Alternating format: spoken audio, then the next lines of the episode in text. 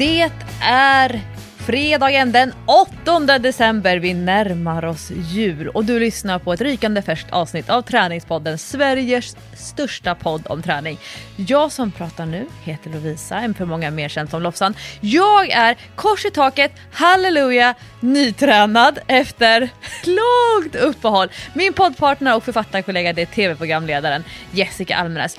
Och Jessica, är det inte så att vi ska hålla i nu? Håller i hela december som för många är den sämsta träningsmånaden. Vi kör, vi håller i, vi kämpar på!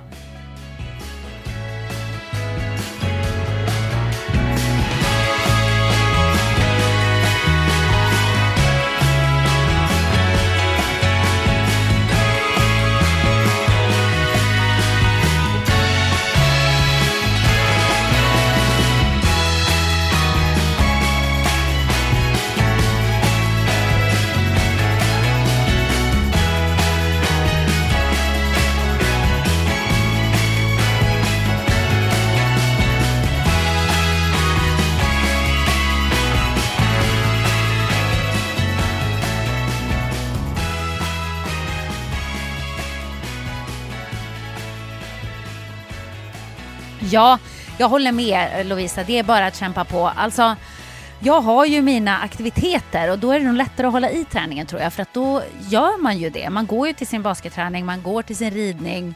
Eh, och det kanske blir enklare då än om man har så här, jag ska gå till gymmet tre gånger i veckan och sen är det december och så är det jättemycket stress med allting eh, och det är mycket julfester och grejer med jobbet och man blir bjuden på någon glögg och det är ditten och datten. Så jag kan tänka mig att då är det liksom lättare att tappa djupare. Och sen har det ju också varit väldigt kallt, i alla fall i Stockholm nu på sistone, och väldigt mycket snö. Och jag tror att många kanske tänker lite grann som jag, att då är man inte så jättesugen på att gå ut och träna. Nej, alltså det är... Nu har jag börjat se de här bilderna på folk som kör sådana här ventilationmasker. Eh, Ja. Som en sån här, med en liten inhalator ser det ut som. Man ser också ut lite grann som en seriemördare i någon skräckfilm. Men man... gud, jag skulle ju behöva det verkligen. Jag som har astma andning. Det hade ju varit perfekt för mig. Alltså det, det har nog blivit en, eh, en ny grej. Alltså det är ju många som upplever det jobbigt med luftrören när det är kallare ute. Och eh, när jag är uppe och åker längdskidor, typ Orsa som är värsta träningsanläggningen för längdskidor, då är det ju alltså man kan ju möta kanske 35-40 personer, oftast män, som har de här maskerna. Men nu börjar jag liksom se vanliga människor på sociala medier, men också så här på riktigt ute på trottoaren på Södermalm så kommer någon som har en sån där luftväxelvärmare. Jag har aldrig provat det så jag vet inte hur det känns. Och vissa säger att de typ får klaustrofobi medan någon annan säger bara åh gud vad skönt, äntligen slipper jag de här tråkiga passen på löpbandet i vinter. Ja, men en sak som är bra i alla fall och positiv med att det är snö nu i Stockholmsområdet, det är ju att man kan åka skidor. Och jag har faktiskt två kompisar som åkte redan i helgen. En åkte på Gärdet och en åkte i Täby tror jag. Oh. Och då bara kände jag att jag blev så sugen. Det är bara att ge sig ut nu. Ja, alltså jag, jag ska faktiskt åka ikväll och hämta på begagnade längdskidor. Eh, och så hade jag planerat, och jag har blivit så här lojal, med Sixten, min äldsta son, han har ju liksom seglat upp och blivit min bästa träningskompis. Och det blev så lojal med honom så att jag kan inte åka och köra mitt första längdåkningspass utan att han är med. Så jag hade kunnat åka alltså flera dagar nu. Jag hade kunnat åka idag och jag skulle kunna åka på dagen imorgon, jag ska jobba på kvällen. Men då kan inte han följa med. Så jag sitter verkligen på händerna och bara, nej, vi ska ta premiären ihop. Men nu är det ju många som har kört premiären.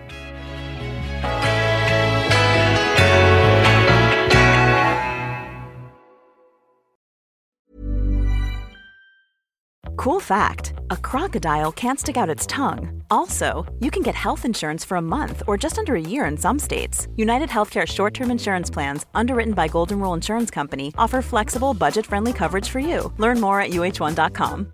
I'm Sandra, and I'm just the professional your small business was looking for. But you didn't hire me because you didn't use LinkedIn jobs. LinkedIn has professionals you can't find anywhere else, including those who aren't actively looking for a new job but might be open to the perfect role, like me. In a given month, over 70% of LinkedIn users don't visit other leading job sites. So if you're not looking on LinkedIn, you'll miss out on great candidates like Sandra. Start hiring professionals like a professional. Post your free job on linkedin.com/people today. Ja, det känns som det. Så att nu, om man trodde att man liksom var tidigt ute så kan man glömma det nu. För att nu, är man, nu är man sent ute om man ska plocka fram skidorna. Men jag blev så inspirerad för att min kompis Malin, hon hade precis köpt nya skateskidor och pjäxor. Och jag bara, va? Hon bara, men jag tycker det verkar roligare att skejta än att köra klassiskt. Jag bara, gud vad unnigt liksom och bara gå och unna sig ett par nya skateskidor när man ändå bor i Stockholm. Alltså man åker ju inte skitmycket på dem, men jag tyckte att det var lite inspirerande. Så att häromdagen när Patrik frågade vad jag önskar mig julklapp, då, då sa jag, jag, jag önskar mig ett par skateskidor och pjäxor. Han bara, eh, what? eh, och hur många gånger kommer du använda dem i vinter? Men jättemycket tror jag. Mm, säger han. Fast det som Nej. talar för dig Jessica, Ja. det är att du inte köper dem för att du ska göra klassikern eller för att du ska köra Vasaloppet eller Tjejvasan. Du köper dem eller önskar dig dem för att du vill åka på dem. Det talar för en långvarig investering jämfört med de som köper skidorna för att de har anmält sig till loppet och måste ha skidor då. Det är faktiskt sant, för att jag åker ju ändå lite skidor varje vinter. Det, jag gör ju det, jag tycker att det är kul och jag tänker att jag behöver inte ha de nyaste grejerna. Så om jag investerar i det nu så kommer jag vara nöjd med det i många år framöver. Men jag har faktiskt haft en ganska intensiv eh, sporthelg kan man väl nästan säga, eh, Lovisa. Jag eh, började helgen med, förra helgen då pratar vi om nu, för nu är det ju fredag så är det ju helg igen då. då. Men, men jag började med att rida eh, en hopplektion, jättekul, jag har fått en ny favorithäst, hon heter Lassie och eh, väldigt speciell, jag gillar bara konstiga hästar.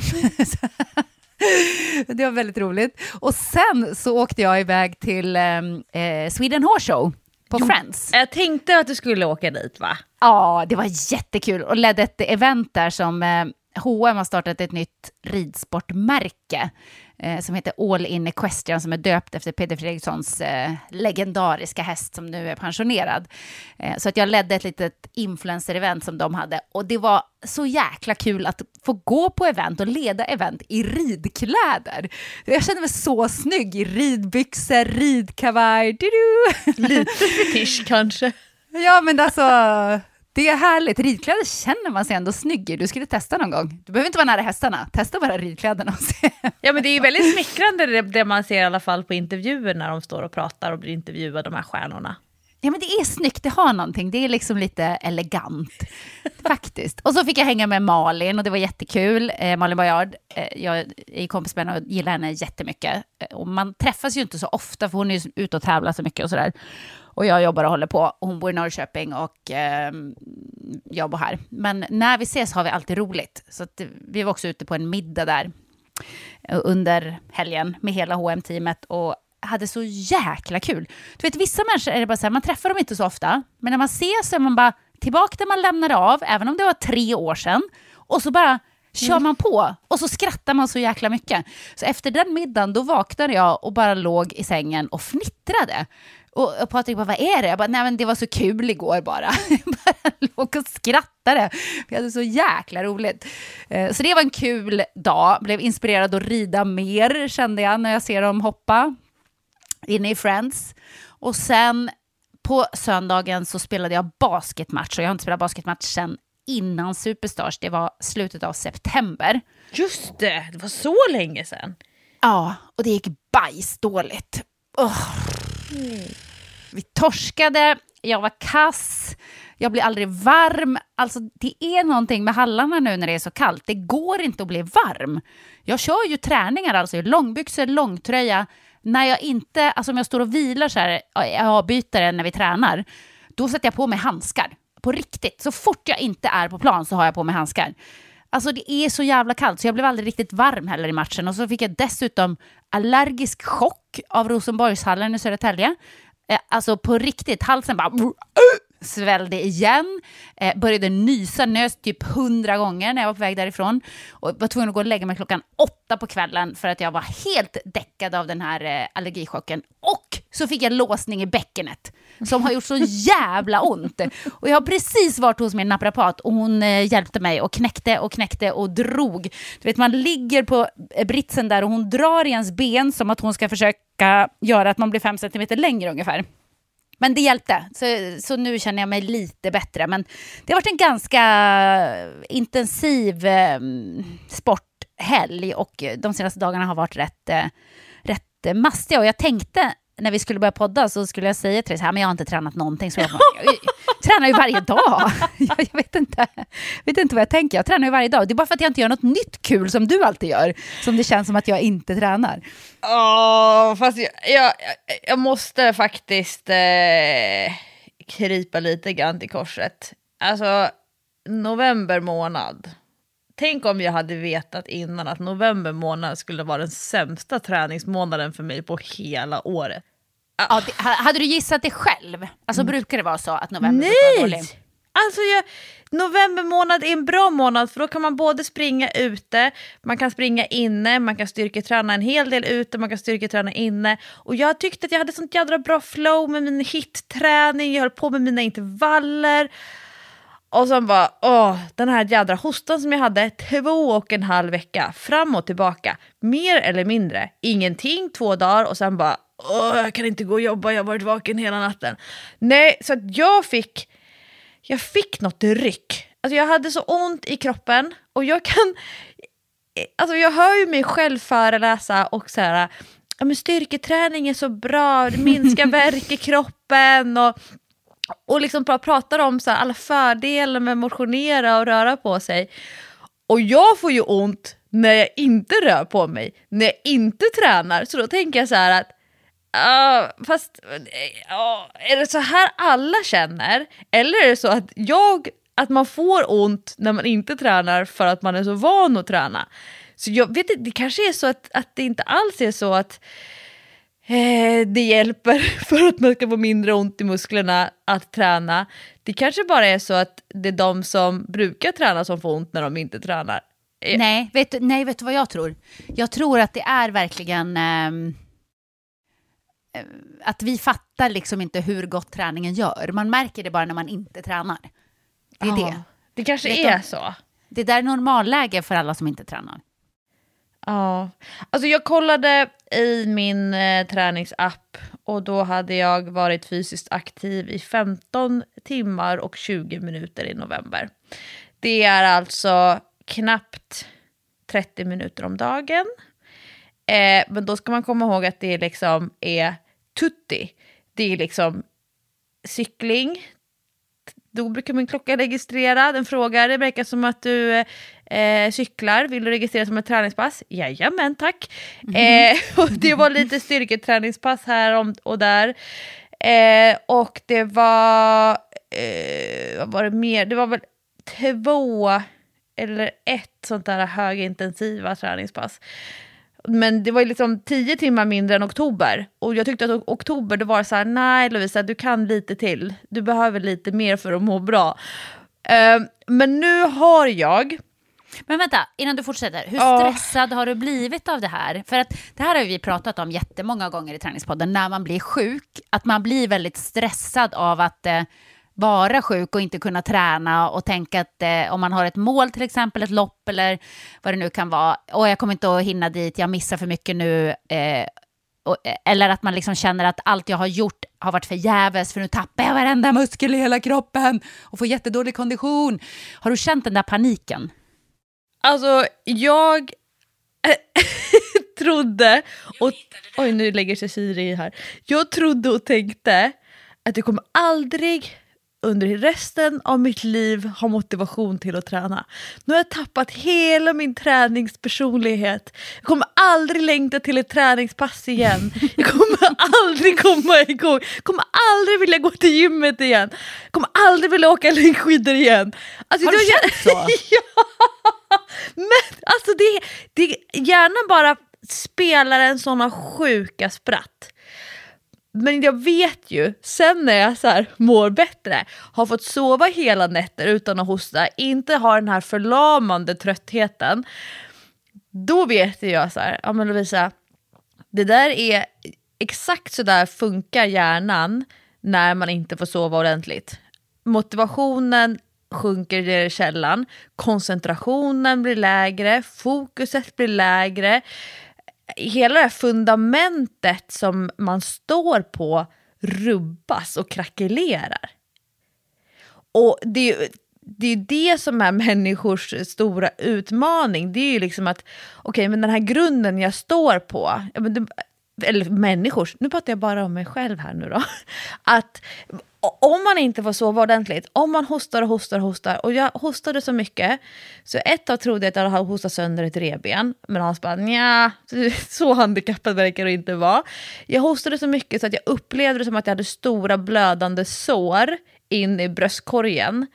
Jag upplevde att det satte sig i musklerna på baksidan i bröstryggen också, som att de här såren läckte ut. Alltså, och jag var så, det enda jag kunde prata om, det var min hosta. Och Hans bara, alltså Lovisa, nu har du pratat ganska många timmar, ganska många dagar på raken om din hosta. Oh, vi vet, vi hör dig på nätterna. Alltså, släpp det. Och jag så här, okej, okay, men det är det enda jag kan tänka på. Det var liksom, och jag fattar ju att det kanske man är lite anal i sina tankar, att man liksom fastnar i det där mindsetet. Och så sa jag faktiskt, för det brukar alltid vara bra så här, när man vacklar i någonting och man så här, börjar tvivla i sitt fundament, så här, att prata om det. Så jag sa det till Hans, när jag så här, för sjunde dagen på raken måste gå och lägga mig och sova på dagen. Bara, mm. kommer aldrig mer kunna träna. Alltså, mm. Det känns som att jag aldrig mer kommer ha motivation och lust och det här inre drivet. Och så, när jag sa det till honom, han bara, Lovisa, Fast det är ju helt rimligt. Du har ju liksom haft en ganska kraftig luftvägsinfektion. Det är inte konstigt att du känner så. Liksom, men det kommer lösa sig. alltså, 15 år senare när han har levt med mig, han vet liksom att det, det, kommer, det går upp. Men jag, det jag tänkte, jag började liksom väldigt eh, lugnt, bara med styrketräning. För det var det jag kände så här, okej, okay, Hallå kroppen, var är du? Hur mår ah. du? Så jag har ju liksom i typ en vecka kanske, ish, gymnastiserat mig. Eh, så det var varit så väldigt låg prestige, väldigt eh, låg tröskel. Eh, väldigt mycket fokus på att så här, prata med nacken, prata med skulderbladen. Jag började så här, få ont i ländryggen på ett sånt sätt som typ att det kändes som att jag hade kört sex veckor stenhård styrketräning för ländryggen. Fast, och då kan man börja känna sig sliten i ländryggen. Men nu var det så här, okej okay, jag har inte använt ländryggen någonting. Det kändes som så här läskigt när jag skulle lyfta upp någonting som var lite tyngre. Från golvet eller... Så jag liksom har försökt jobba med kroppen. Och sen bestämde jag mig eh, på morgonen den första december okej, okay, nu liksom, allt håller. Jag är frisk, nu, liksom, nu kan jag träna. Och då gjorde jag liksom den här uh, motståndsrörelsen till den här paniken som jag kände några dagar tidigare eller någon vecka tidigare. Bara, ah, nu ska jag träna varje dag i december. Nu, nu ska jag liksom bygga upp det här självförtroendet igen. Och då är det ju idag den 5 december och jag har tränat då första, andra, tredje, fjärde och femte december. Fem dagar på raken, inte så långa pass, eh, nästan bara hemmaträning, eh, mycket fokus på det här att jag typ känns som att jag håller på med gymping. Men det har känts så bra. Och idag så skulle jag då gå tillbaka till det här fruktansvärt jobbiga hit, hit passet på Sats. Mm. Och då så tänkte jag så här, ah, Louisa, nu måste du sätta på dig skärpet hängslena, livremmen, livbojen. För förra gången så var det, så, det var så jobbigt att jag trodde att jag skulle på riktigt kräkas. Jag kan inte hamna där igen. Så jag, så här, jag gjorde alla rörelser jättelångsamt. Eh, när man kunde göra hopp, och jag har alltid nappat på de här hoppvarianterna, då, så här, då gör jag den här lite så här tantparkour-varianten, så här, kliver lugnt och försiktigt. eh, och sen så kände jag typ sista två minuterna, då bara okej, okay, jag kommer klara hela passet. Så då la jag i en växel.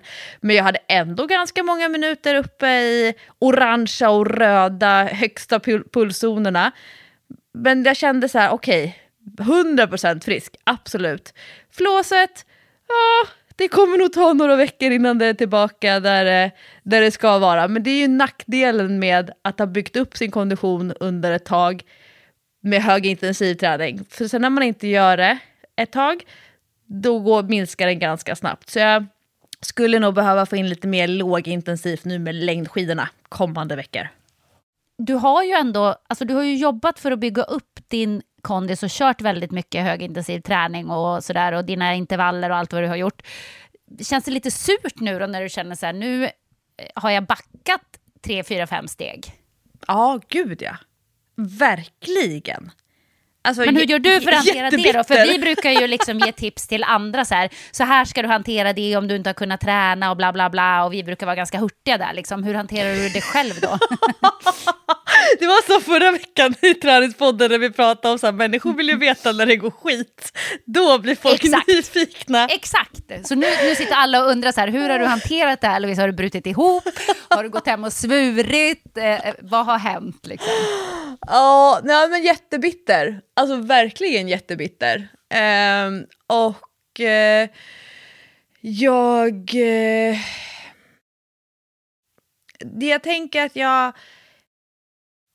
Det som är min stora livlina framåt i tiden, för hade det här varit i maj, då hade jag varit sjukt stressad över löpningen eh, de mm. Eh, sommarmånaderna, alltså juni, juli, augusti som är fantastiska löparmånader. Då hade jag blivit väldigt stressad av det. Eh, men för mig, löpningen är för mig en sån eh, strukturerad träning. Det är klart att jag kan sticka ut och jogga fem kilometer. Eh, sen brukar jag alltid göra så här, två, tre stopp för att ta lite bilder kanske och sådär. Men eh, men löpningen är för mig, det, det liksom är practice. så. Men längdåkningen för mig är inte samma ty typ av struktur. Jag kör i princip aldrig intervaller i längdåkning, utan jag är verkligen ute och åker skidor i skogen. Alltså det är mm. som en...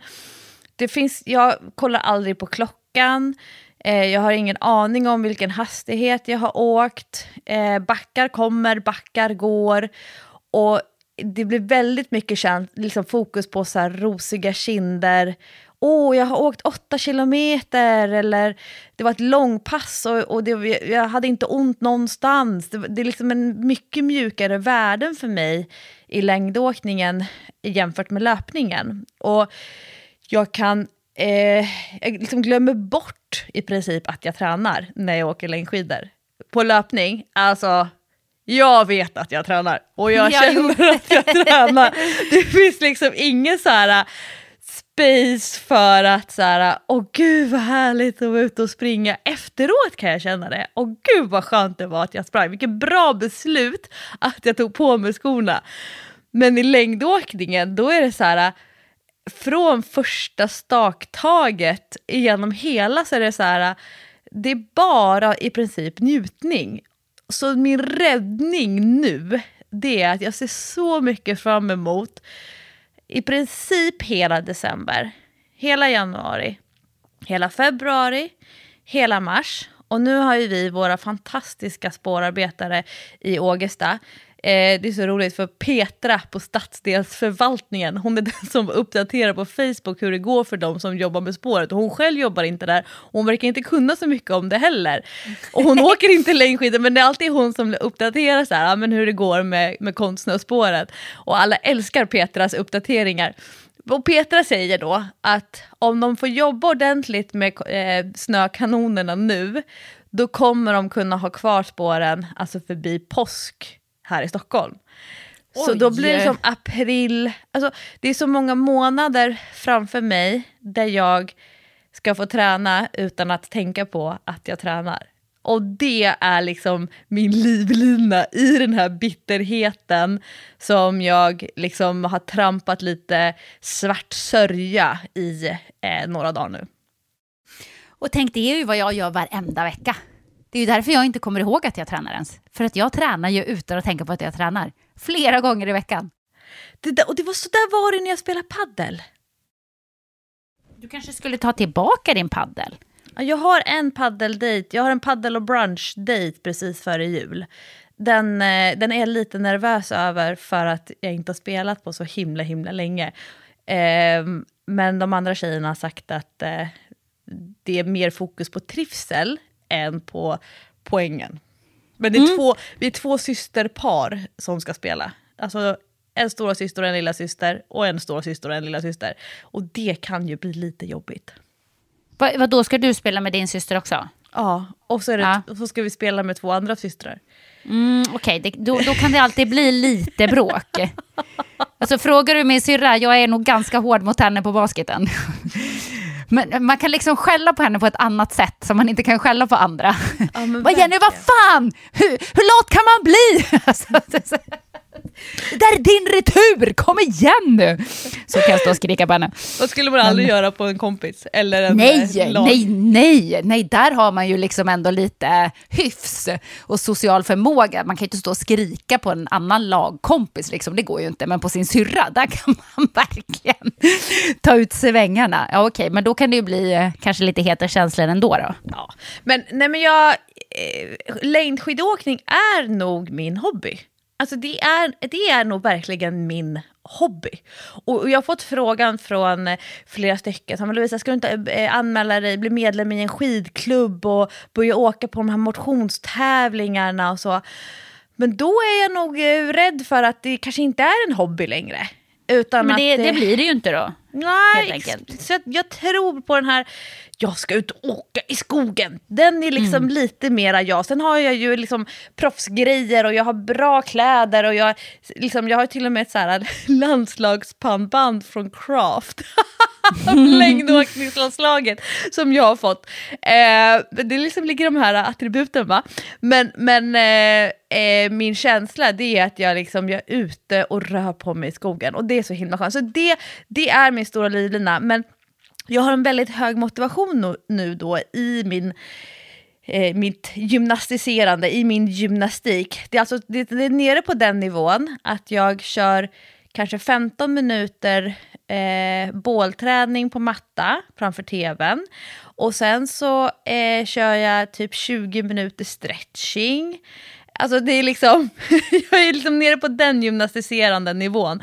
Men då, jag känner ju att om jag ska kunna åka Alltså det är klart att, att äh, glida runt fem kilometer, det fixar jag. Men om jag vill liksom kunna trycka på i uppförsbacken och känna att jag liksom ändå har en motor, hjärta-lungor, som passar med eh, kardanaxeln och de här däcken, om man tänker sig kroppen som en, ett fordon, en bil, då måste, jag, då måste jag hitta ihop till kroppen lite grann. Vet, gnisslande handleder, axlarna krånglar, eh, stelhet i bröstryggen, någon låsning bakom skuldran, lite gnissel i knät. Alltså du vet sådana små saker som jag så nej, nej, nej, nej, nej, nej. Inte du kroppen, inte idag, inte det här, inte än. Vänta några år. Så jag tror att jag kan liksom eh, modellera mig tillbaka till den här lite mer atletiska profilen som jag identifierar mig med. Så. Ja, men tänk hur det är för alla människor som inte tränar. Ja, så Tänk att gå runt och känna det där gnisslet hela tiden. Att alltid känna så här att kroppen måste in på verkstaden. Ja, det, jag, Det först, jag förstår jobbigt. inte hur... När jag är i det här gnisselläget, nu tycker jag att det är mycket bättre än igår, och igår var bättre än dagen innan, och så vidare. Men jag kan inte förstå hur man kan gå igenom vardagen med det här gnisslet. Det Nej, blir som det min hosta, jag jag kan inte tänka på någonting annat än hur stel jag upplever mig själv att vara. Ja, och hur ont det gör. Som när jag har haft den här låsningen i bäckenet. Det är det enda jag tänker på när jag gör saker i vardagen. Liksom att ah, nu gör det ont i ländryggen på grund av det där. Ah! Hela tiden. Alltså det går liksom inte att mm, koppla bort. Och tänk att gå runt med sådana där saker hela, alltså varje dag för att man inte tränar. Ja, vad in, eh, intressant perspektiv. Jag tror både Mm. du och jag har ju varit där till och från de senaste åren. Och det är ju lite grann av ett så här uppvaknande. ehm, att få det perspektivet. Och för mig som coach, alltså jättenyttigt, sjukt nyttigt att eh, uppleva sig själv begränsad. Att förlora den här motivationen som jag upplever att jag i perioder har så här enormt hög motivation och längtar till träning. Och sen känna så här, nej jag kommer aldrig mer genomföra ett träningspass i hela mitt liv. Det är liksom minus på motivationen, för då vet jag så här, ja, just det, det är så här de flesta människor känner typ jämt. Mm, och det är jättebra för dig, för då vet ju du hur du ska liksom angripa det problemet, om man säger. Kan sälja lite till. Mm, exakt.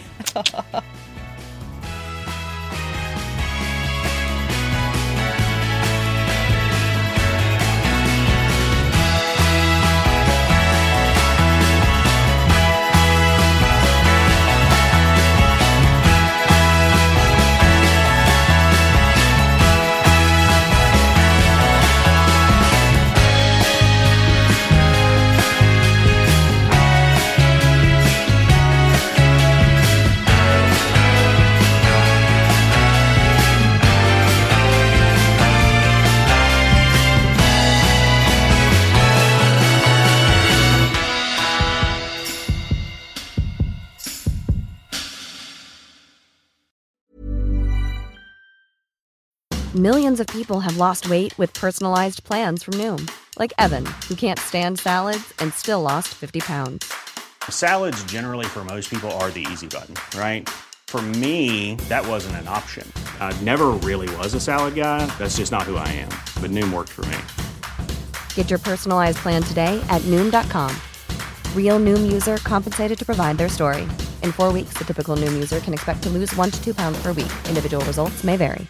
Quality sleep is essential. That's why the Sleep Number Smart Bed is designed for your ever evolving sleep needs. Need a bed that's firmer or softer on either side? Helps you sleep at a comfortable temperature? Sleep Number Smart Beds let you individualize your comfort so you sleep better together. JD Power ranks Sleep Number number 1 in customer satisfaction with mattresses purchased in-store. And now, save 50% on the Sleep Number limited edition Smart Bed for a limited time. For JD Power 2023 award information, visit jdpower.com/awards. Only at a Sleep Number store or sleepnumber.com. Vi är även denna vecka sponsrade av Rusta och det passar perfekt för det är ju full vår ute nu. Man kan vara ute utan att ha dunjackor och tio lager kläder, det gillar man. äntligen, äntligen!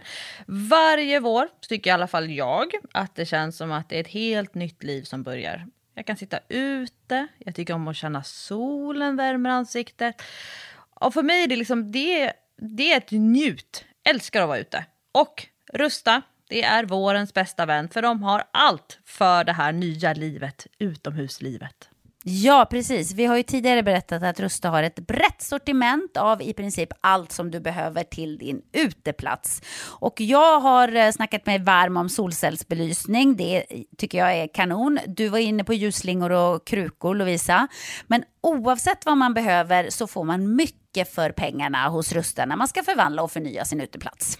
Hur är det hos dig Jessica? Har du några favoriter när du ska piffa upp er utomhusmiljö? Ja, men det har jag faktiskt. Jag gillar att det känns lite loungeigt. Så jag brukar ju satsa på att köpa någon ny utomhusmatta. För att de är väldigt prisvärda hos Rusta. Så det tycker jag är en stor favorit. Jag ska säga vad jag är sugen på. Berätta. Jag tycker ju att det är bra att ha kuddar som man inte behöver ta in. Det står absolut på min lista för den här våren. Ja. ja. Det ska vara lätt att ta sig ut. Kuddarna ska bara ligga där, redo att ta emot den. Ja, man älskar sånt som man inte behöver plocka ut och in. Mm. Och då säger nog jag att grejer till utegymmet, alltså vi pratar hantlar, kettlebells, foam roller, sådana saker är också för mig vår, att vara ute, det är låg tröskel till att träna och så kan man liksom ta in och ta ut. Och Rusta har riktigt bra hemmaträningsgrejer. Och jag tänker så här, ja, men man sitter och hänger där i sina kuddar och så kan man träna. Och så kan man hänga och träna. för alla våra lyssnare så är ju träning en viktig del av utomhusmiljön, det vet jag. Vi uppmuntrar och uppmanar våra lyssnare att njuta av utomhuslivet och kolla gärna in Rusta när ni vill uppgradera er utemiljö. Kolla in rusta.com, men framförallt besök ett Rusta varuhus och få inspiration till ditt nya uteliv. Vi säger tack till Rusta! Stort Jag har ehm, eh, gått och klurat på en grej som faktiskt för en gångs skull, Jessica Almenäs, inte handlar om dig. Va? Du skojar! Fast du kommer säkert känna igen dig på det här i Har du slutat tänka på mig nu? Nu blir jag besviken Lovisa. Jag har träffat andra människor och lyssnat på. Nej, det är för dåligt.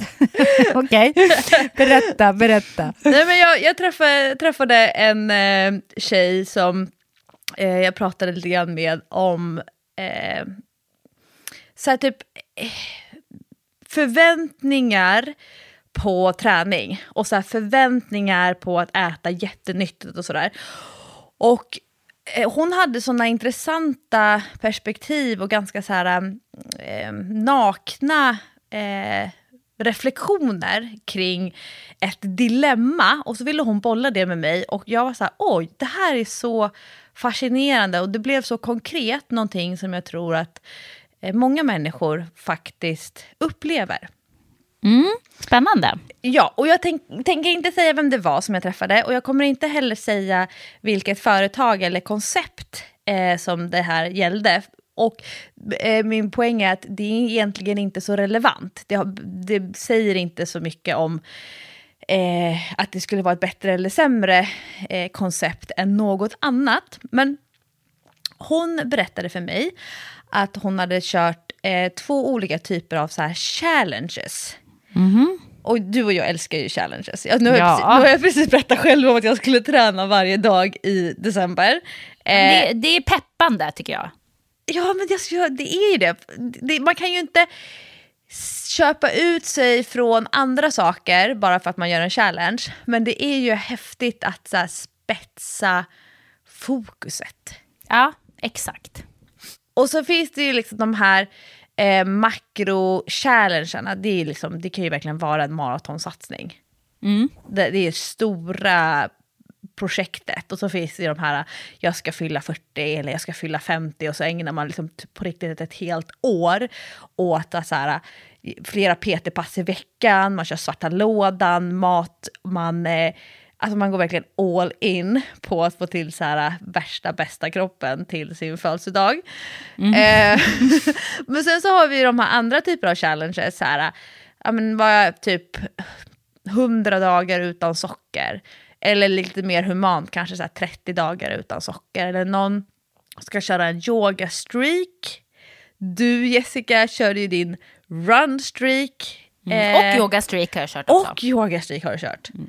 Och nu, din basketsatsning har ju, den är ju lite mer, det är ju inte riktigt en challenge på det sättet. Nej. Det, Exakt. det, för det är någonting som, det finns inget tidsbestämt slutmål, till Nej. exempel. Eh, det är inte någon uppoffring. Nej, verkligen inte. Du gör, gud, nu hamnade vi i att det handlar om dig igen. Ja, du ser, det handlar alltid om mig ändå. Din sambo bara, ja jag säger det, det ska alltid handla om Jessica. Det- är inte så att det från en dag till en annan blir en jättestor förändring, så, som det blir då med kanske den, de här lite mer strikta typerna av challenges. Det finns ju de som eh, tar bort allt kött eller eh, från att dricka alkohol varje dag så är det verkligen så här 30 dagar noll alkohol. Eller att man kör, går cold turkey på sluta röka eller alltså det finns ju massa olika typer av eh, projekt. Och sen finns det ju då de här mer kommersiella challengerna.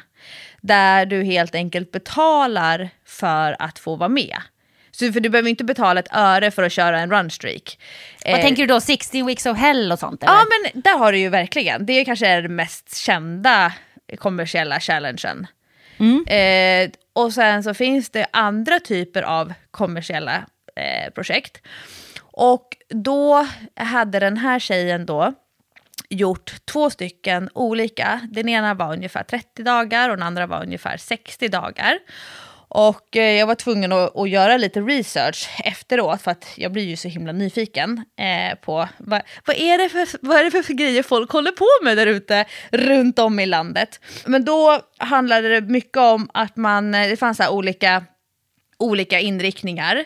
Och det, eh, ena grejen var så här väldigt mycket fokus på eh, träningen och då skulle man träna alla dagar, alltså typ ungefär en månad. Och så kunde man välja om man skulle träna med eh, redskap eller om man skulle träna med kroppsvikt. För att man liksom skulle kunna vara med oavsett. Vissa mm. kanske Vissa gillar ju inte att köra kroppsviktsövningar, eller tröttnar ganska snabbt när det är kroppsviktsövningar. Man vill åtminstone ha en gummiband eller en kettlebell eller liknande. Och sen så eh, någon form av kostschema där man då ska äta enligt en guide och så får man eh, recept och sådär. Och, och sen så bygger ju ofta på de här olika typer av eh, challenge bygger ju på the community. Mm. så det är liksom... ja, men det är man, lite sekt liksom. ja, men, men alltså tittar man på 16 Weeks of Hell till exempel, de här Facebookgrupperna som de har och alla vi som startar vecka 50 eller mm. alla vi som startar, att det liksom är ändå en grupp, som att det, liksom, det finns andra som, vi, som har det likadant som jag.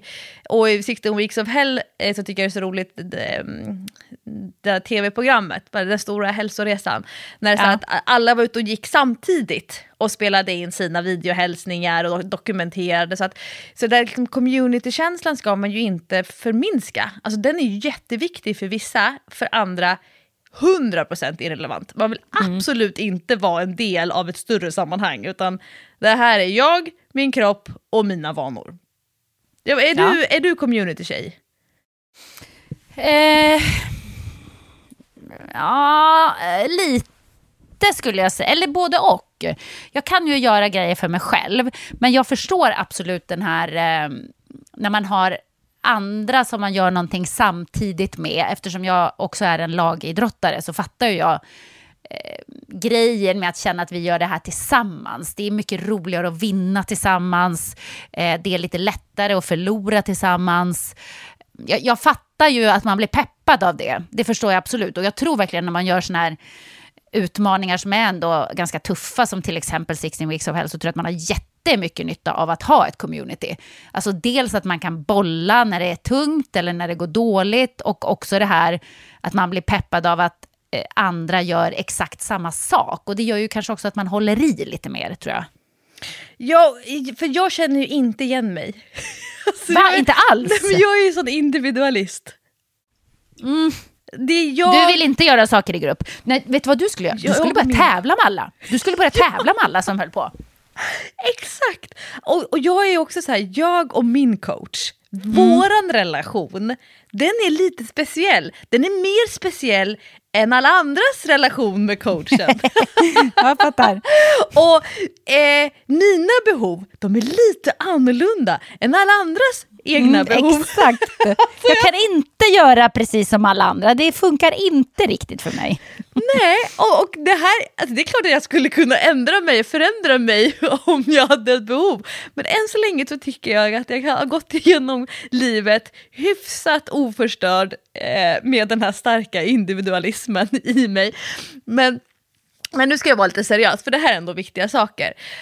Men det här community, eh, communityt, communityt, eh, mm, ja. mm. det är Eh, det har visat sig att eh, sammanhang och grupper och grupptillhörighet, alltså det är en jätteviktig framgångsfaktor inom idrott till exempel. Och vi kan ju titta bara så på svensk elitidrott, bara alltså 10 år bakåt i tiden, eller 15 år bakåt i tiden. Vi har ju allt ifrån det här friidrottsgänget i Göteborg, eh, med Christian Olsson och eh, hans kompisar, eh, till längdskidåkningsgänget, eh, liksom hur man dras och man attraheras av att vilja tillhöra en grupp.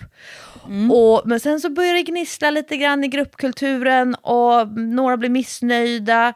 Det var väl var det skidskyttarna som började lite grann med partnerbyte där ett tag och då är det några som, några som inte vill vara med längre, som inte vill göra så som gruppen ska göra, utan man kör sitt eget race. Man väljer att lämna längdskidåkningslandslagets verksamhet och gör uppladdning på egen, eh, på hemmaplan och så vidare. Mm. Men vi ska liksom inte förminska betydelsen av att eh, det är bra att tillhöra en grupp. Och jag läser en kurs just nu som handlar om eh, så här, talangutvecklingsmiljöer. Alltså man tittar på de, Sveriges främsta idrottare inom alla idrotter som har nått då högsta nationella eller internationella nivå. Och så får, intervjuar man dem och så får de berätta om hur de har tagit sig från liksom sina första idrottsliga eh, vad ska man säga, engagemang. Eh, från att man gick i fotbollsskolan när man var sju år på sommarlovet till att man eh, tar ett världscupmedalj i alpin utförsåkning. Det kanske började med sommarfotbollen och sen så åker man världscup eh, slalom. Ja. Och då, liksom, då fokuserar både liksom, de aktiva men också ledarna och föräldrarna, de pratar väldigt mycket om utvecklingsmiljöerna. Att det här med liksom, vilket stöd man får från gruppen och såklart och kompetenta tränare och ledare.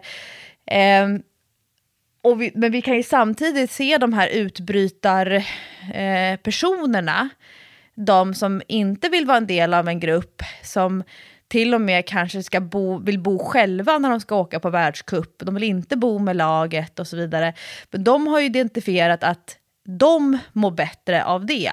Sen är ju frågan, lämnade de grupptillhörigheten när de var 19-20, när de var 25 eller redan kanske när de var 15? Redan då så här, nej, jag vill inte vara en del av laget, gruppen, jag vill inte att eh, någon annan ska bestämma över mig och nio till. Utan de beslut som tas kring mig, det ska liksom bara vara mitt bästa i åtanke. Den här lite mer individualistiska eh, aspekten. Och då var den här, den här berättelsen, den här, som jag då fick höra häromdagen, det handlade om efter en sån här 30 dagars challenge och respektive efter en sån här 60 dagars challenge så upplevde den här tjejen sig ganska så dålig. Skämdes lite grann för att trots att hon hade tränat exakt som man skulle göra, hon hade ätit exakt som hon skulle göra och ändå så, som hon formulerade det, typ, så jag fick typ inga resultat. Och så här, det var ganska jobbigt, för i det här communityt, någon hade gått ner 9 kilo, någon hade minskat så här, 35 centimeter på olika mätpunkter på kroppen. Varför får de massa resultat när inte jag får det som har gjort exakt samma sak? Mm, intressant, men jag tänker också jätte, jättesvår fråga att svara på. Ja, för det jag första jag tänkte så här, ja men vad är resultat för dig? För det är ju så här, i ett sånt där koncept då, när det är väldigt lätt att ta på siffror kring viktnedgång. Och det är väldigt lätt och konkret så här, jag drar fram måttbandet och så kan jag visa så här stor var min mage innan och nu är magen så här platt. Det blir ju väldigt visuellt så tydligt. Men då liksom, men vad, vad är resultat för dig? Hur mäter du dina framsteg och utveckling? Och då så sa hon, ja, men jag, och då så, just det, jag sa, och vad, hade- vad hade du för förväntningar? Vad hade du önskat för resultat? Och då så sa hon... ja, men jag skulle Eh, jag tänkte och ville bli mer deffad, jag ville få mer synliga muskler och sen hade jag gärna velat gå ner ja, men typ 2-3 kilo. Och den, den här personen är jättedeffad, ganska liten och väger mindre än vad jag gör. För jag var tvungen att fråga, liksom, ish, vad väger du? Okej. Mhm. Och då tänkte du att eh, det fanns liksom inget att ta av där, så därför kunde det inte bli samma resultat. det var det som, nu, jag har ingen aning om hur de, an, hur de andra i den här gruppen, vad de hade för utgångsläge. Men det spelar ju jättestor roll var du startar någonstans Ja, såklart och vad som händer av att träna 30 dagar på raken eller att äta jättenyttigt. Och då pratade vi lite grann om, om det. Och sen så, nu jobbar jag ju med mig själv i den andra kursen som jag läser, den som handlar om hälsa och livsstilscoachning. Den går ut väldigt mycket på att man som coach, och det här är mitt svåra, inte ska berätta för folk vad de ska göra, vad de ska tycka och tänka och fokusera på, utan man ska liksom med en väldigt varsam hand låta dem komma fram till det själva. Mhm, Oj, vad svårt. När man bara åh, måste bita sig i tungan hela tiden. Åh, nu vill jag bara säga det här, jag vill bara säga det här. Kommer du aldrig på det här någon gång? Jag vill ju göra som Homer Simpson på Bart. Jag vill ju ta så här strypgreppet och så skaka. skaka. Jag bara skrika så här, fattar du inte det här? Hallå? Det är bra tålamodsträning för dig Lovisa. Nej, men jag har ju jag, jag har ju inte riktigt det i mig, men jag vill bli bättre, jag vill utvecklas. Eh, men, eh, och kontrasten till en PT, för en PT ska ju ta massa beslut åt klienten. Och ska välja övningar, ska välja sätt, välja repetitioner, välja vikter, välja redskap. Alltså man, man väljer och väljer och väljer åt personen hela tiden. Det är väldigt låg, det man kallar för autonomi. Alltså klienten har inte mycket att, att tycka och tänka eh, till kring. Men det är ju också det som de flesta klienter betalar för. Exakt. Ja. Så PT-yrket och coachyrket har väldigt stora ytterligheter på det sättet. Men så då trädde jag in lite mer i PT-yrket där och då. Och så sa jag att, ja men, för då, eh, stod, då hade hon linne på sig. Och så tittade jag lite grann på hennes armar, överarmar. Sjukt snygga. Alltså jättesnygga, jättedeffade. Men då så sa jag men att om, om, om du vill ha mer synliga muskler så kanske du innan en sån här typ av challenge skulle behöva bygga lite mer för att sen göra den här klassiska deffen. Alltså nu kommer mina fingerkrokar upp i luften. Men det är så många kvinnor som vill få synligare muskler, men de har inte så pass mycket muskelmassa innan de börjar liksom göra det här mm, challenge-grejen. Så att de blir bara mindre. De får inte synligare muskler. Allting bara liksom slanknar av, så har man egentligen exakt samma proportioner, fast man är lite mindre i formen, i liksom mindre volym. Och då kan ju det dessutom, under den här processen, så tar det så pass lång tid, så att hjärnan och ögonen, de hinner vänja sig hela tiden, dag för dag, för dag, för dag, för dag. Så det blir inte den här wow-upplevelsen som för Biggest Loser när vi tittar så här, de här pappdockorna som är först, eller som de visar, och sen så kommer den ut efter tre månader eller sex månader och så blir den här wow, så här såg man ut innan och nu här ser vi skillnaden. För, för oss själva så har, jobbar vi ju inte så. Och då blir det väldigt svårt att se eh, de här visuella framstegen på samma sätt som att människor ser ju inte heller när de går upp i vikt Nej, exakt. det, det är, plötsligt så bara inser man oj, nu, har jag, nu kan jag inte knäppa byxorna längre. Men man har inte märkt att man är på väg dit. Och så det är ju också det här knepiga. Så min eh, poäng var att de här challengerna, det finns ju liksom inga, och, jag, och det tycker jag inte heller att det ska finnas, för då är det bedrägeri. Det finns inga, man kan inte lova att någon kommer gå ner i vikt. Man kan inte lova att någon kommer få synligare muskler. Det kan ju till och med vara så att en person som nappar på en sån där challenge redan är så nära sin egen optimala bästa träningsform som just den kan vara när den börjar. Och då tänka att ja, men om jag tränar 30 dagar på raken eller om jag äter jättenyttigt, att det skulle hända någonting mirakulöst. Men för en person som aldrig äter godis, aldrig äter skitmat, äter jättenyttigt hela tiden och sen så kommer en sån här 30 dagars challenge och då egentligen så fortsätter man äta som man har gjort innan för att man har redan så bra matvanor. då kommer det inte heller hända någonting jämfört med den som plötsligt går från skräpmat varje dag till att äta jättemycket sallader. Det är klart att det kommer ju synas mer. Ehm, och jag ville så här, trösta henne, den här tjejen då med att det, du har säkert lärt dig saker om dig själv under de här 30 dagarna respektive 60 dagarna.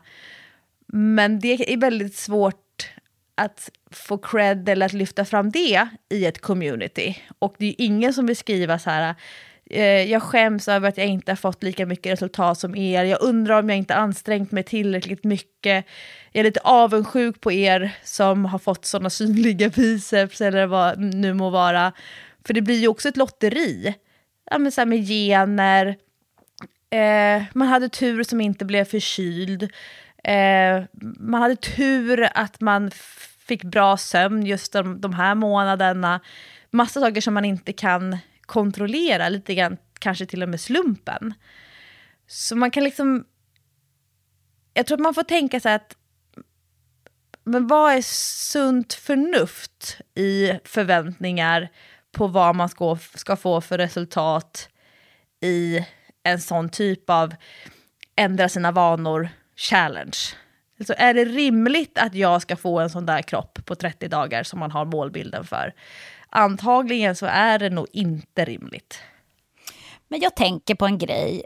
Eh, nu vet ju inte jag exakt vad det här var för challenge, så det är svårt att säga. Men om det är en sån här challenge där det är ett community, då har man ju ofta en tränare eller någon som liksom hjälper en med upplägget, bla bla bla. Eh, har man inte då ett ansvar eh, att tala om för en person så här att med dina startförutsättningar så kan inte du förvänta dig att du ska gå ner 10 kilo och få jätte jättemycket större muskler för att du är redan smal och du har redan eh, muskler som syns. Liksom. Så att dina resultat kommer ju att bli eh, annorlunda. Alltså, förstår du? Har man, ska man inte säga det? För folk är ju ganska blinda för sig själva, hur man ser ut och, och sådär.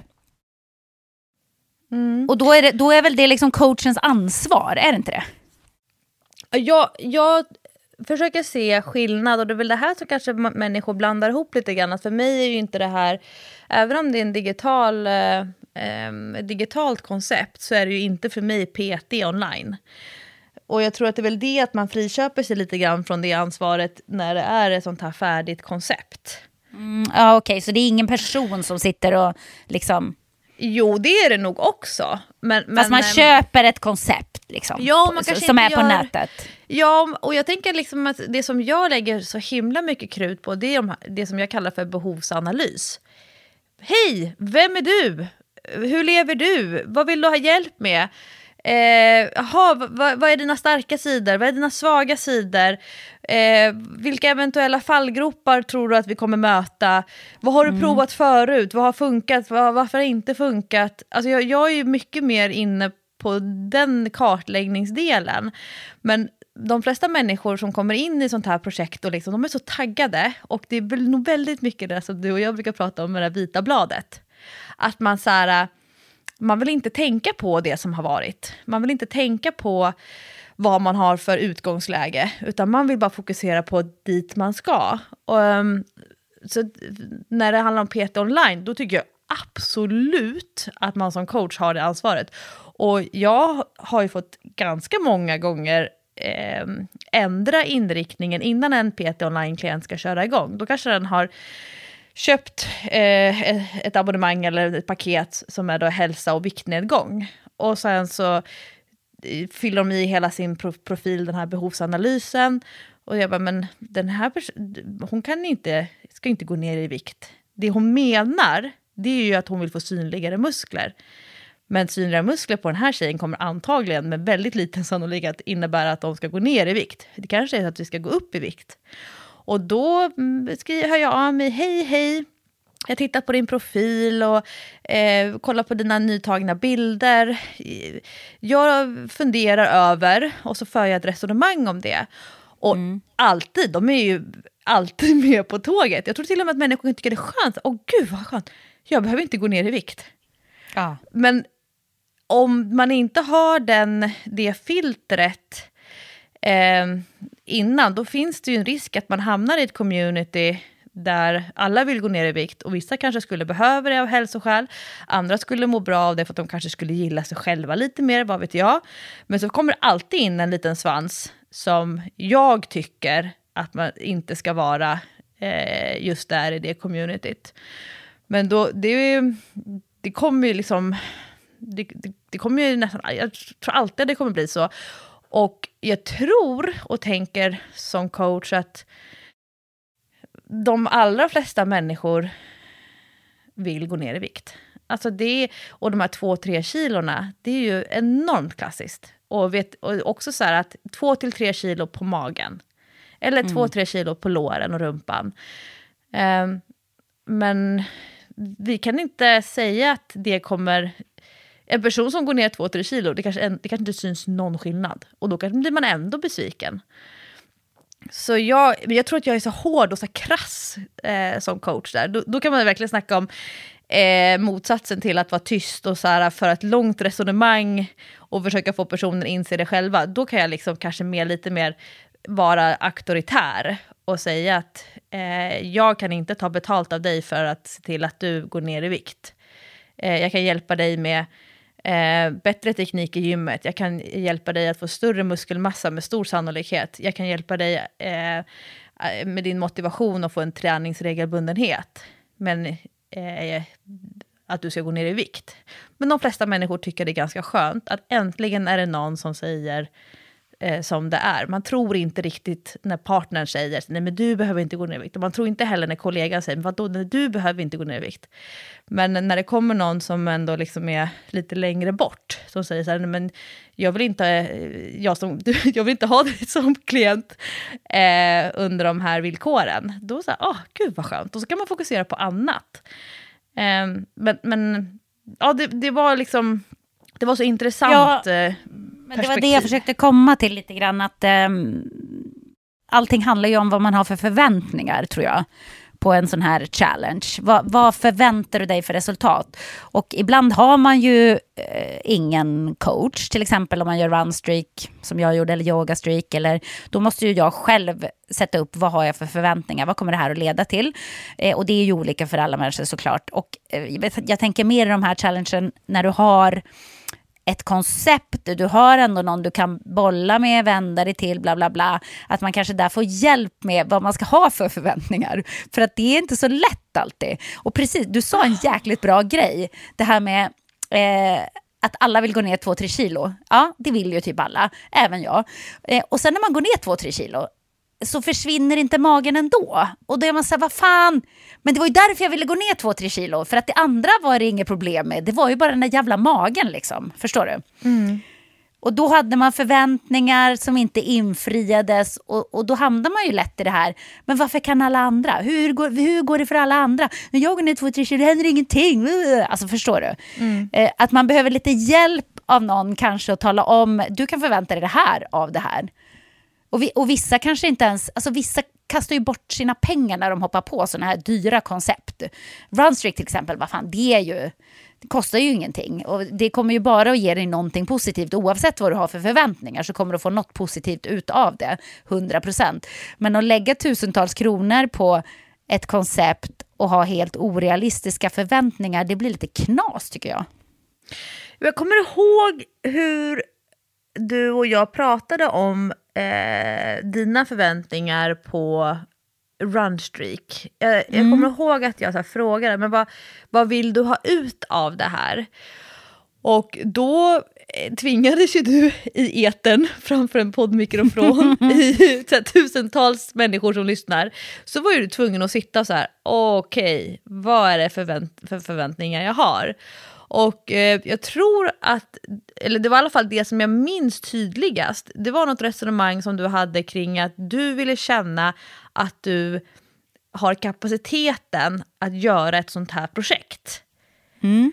Alltså att jag fixar det här projektet. Mm. Sen hade du ju andra grejer som var så här, men jag vill få upp min stegvolym, eh, jag vill få lite bättre kondition, du ville ha lägre tröskel till eh, löpningen, att det inte måste vara fem kilometer för att det skulle räknas.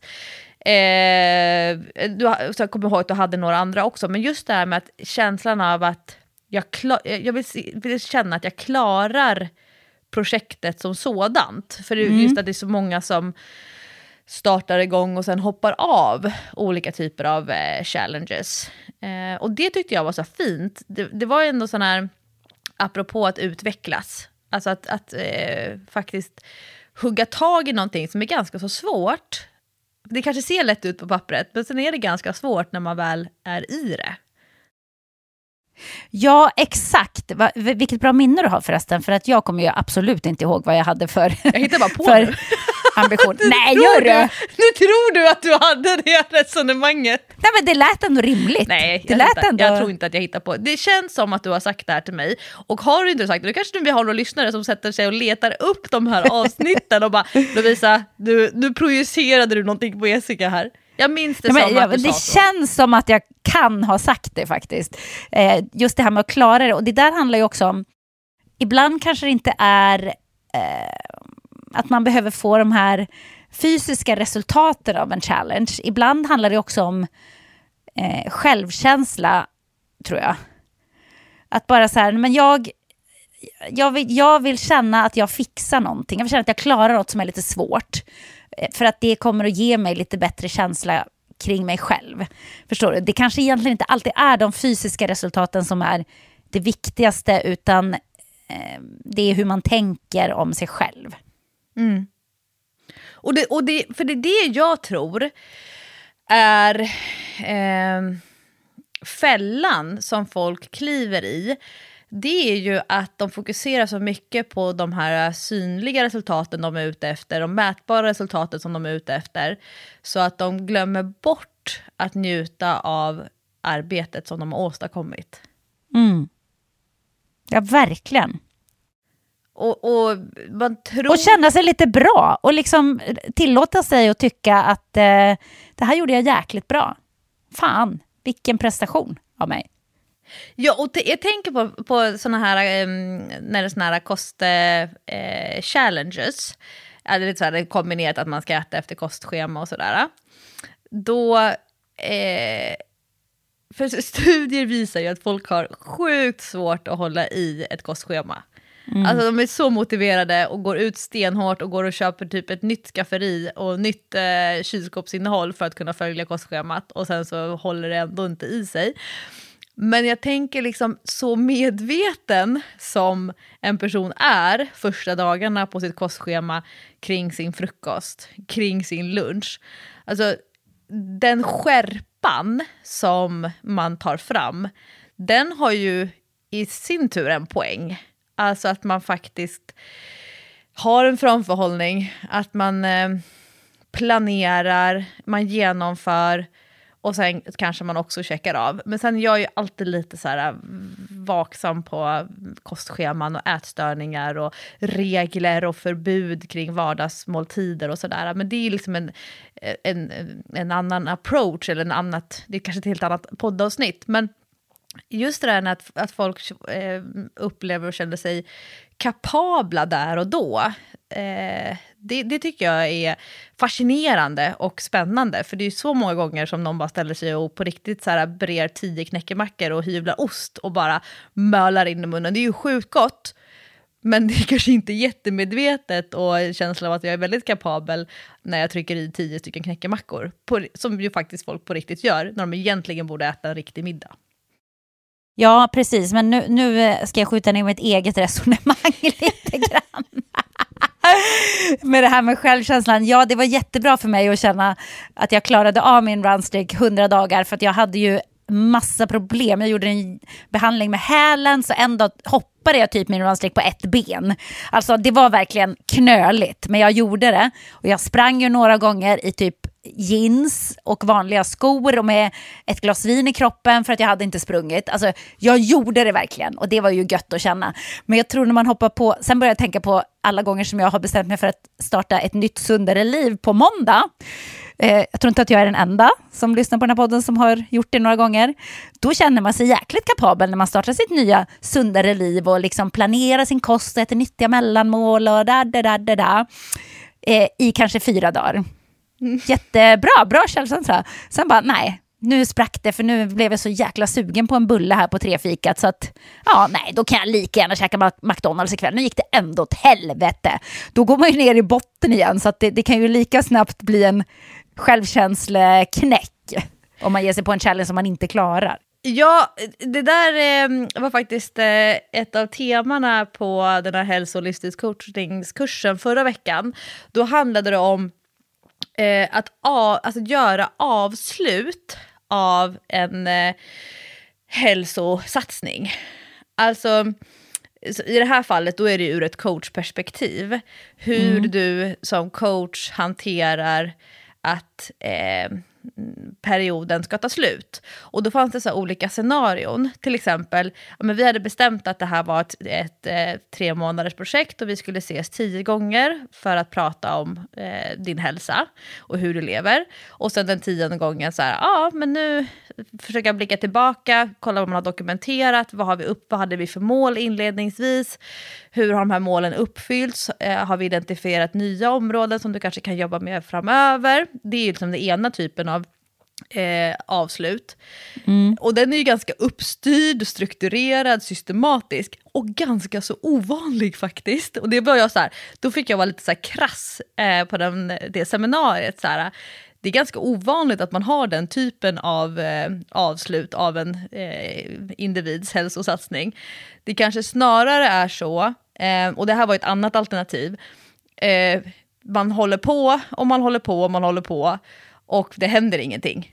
Mm, och så, så kan liksom antingen klienten då säga lite missnöjt, men du, nu har jag gjort allting som du sa att jag skulle fokusera på och ändå händer ingenting. Så att, eh, nej, nu, nu vill jag ta en paus. Och så kanske man går till en annan coach eller gör något helt annat. Men det tredje alternativet är väl det som kanske är mest vanligt. Och det är ju när det rinner ut i sanden, eh, man glömmer bort att man håller på med det här hälsoprojektet. Eller nummer tre, att man kör ett undvikande beteende. Så att man duckar hela tiden.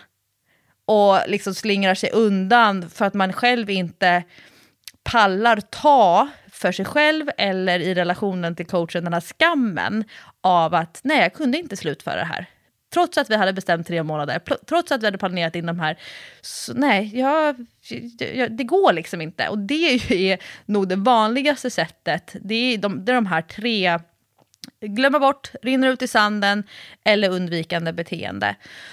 Och eh, det är mänskligt. Och, och jag tror att eh, även om man jobbar så själv, som med sig själv och sin hälsa och sin livsstil, eh, bara att komma till insikt i så här, ja, det brukar faktiskt rinna ut i sanden för mig. Bra, då kan man så fastställa det och så behöver man inte skämmas över det. Och så kan man säga det nästa gång man går in i ett projekt, till exempel i ett sånt där community då. Ja, ah, hej gänget! Eh, här har ni mig, jag är eh, 27 år gammal, lever så här, jobbar med det här. Jag har en erfarenhet, min historik, det är att saker och ting rinner ut i sanden. Jag är jättemotiverad och så, ja, men så får jag inte till det. Och då är det så här, okej, okay, det är okej att lägga korten på bordet jämfört med att tro att man varje gång, nej men den här gången kommer det inte rinna ut i sanden. Nej, det kommer antagligen inte ut sanden, men det gör ingenting, för man går på det igen och man går på det igen. Och så kanske man trampar i den här svarta sörjan och så bara, men på det igen. Och så går livet liksom igenom. Eh, man, tiden går och så känner man så här, ah, fast jag har gjort väldigt bra ansträngningar trots att det har runnit ut i sanden. Mm, undvikande beteende kände jag att oj, oj, oj, där var det lite grann igenkänning. För fröken Almenäs, jajamän.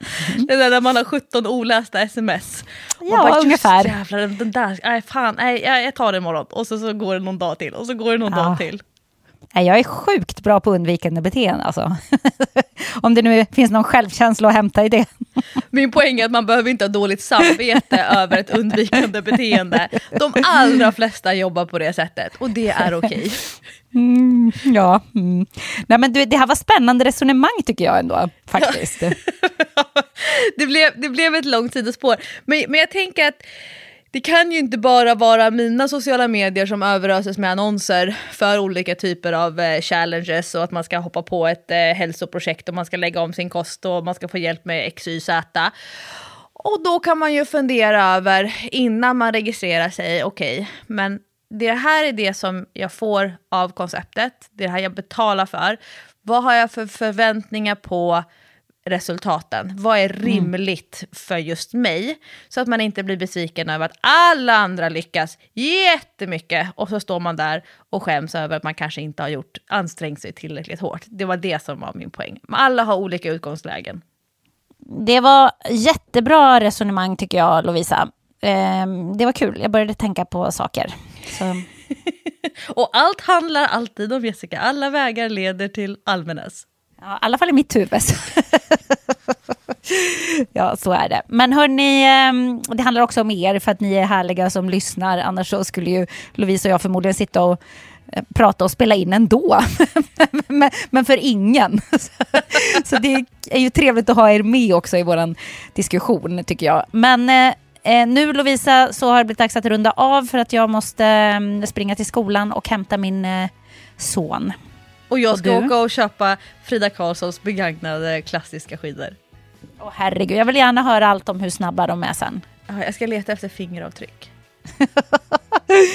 du kan ju, eh, du kan ju typ eh, pussa på dem och se om du får i dig något av hennes gener. Ja men lite gener kan de väl ändå dela med sig av. Tycker att det är lite snålt att sitta och hålla på det där. man kan ju dela med sig om man har sådär mycket.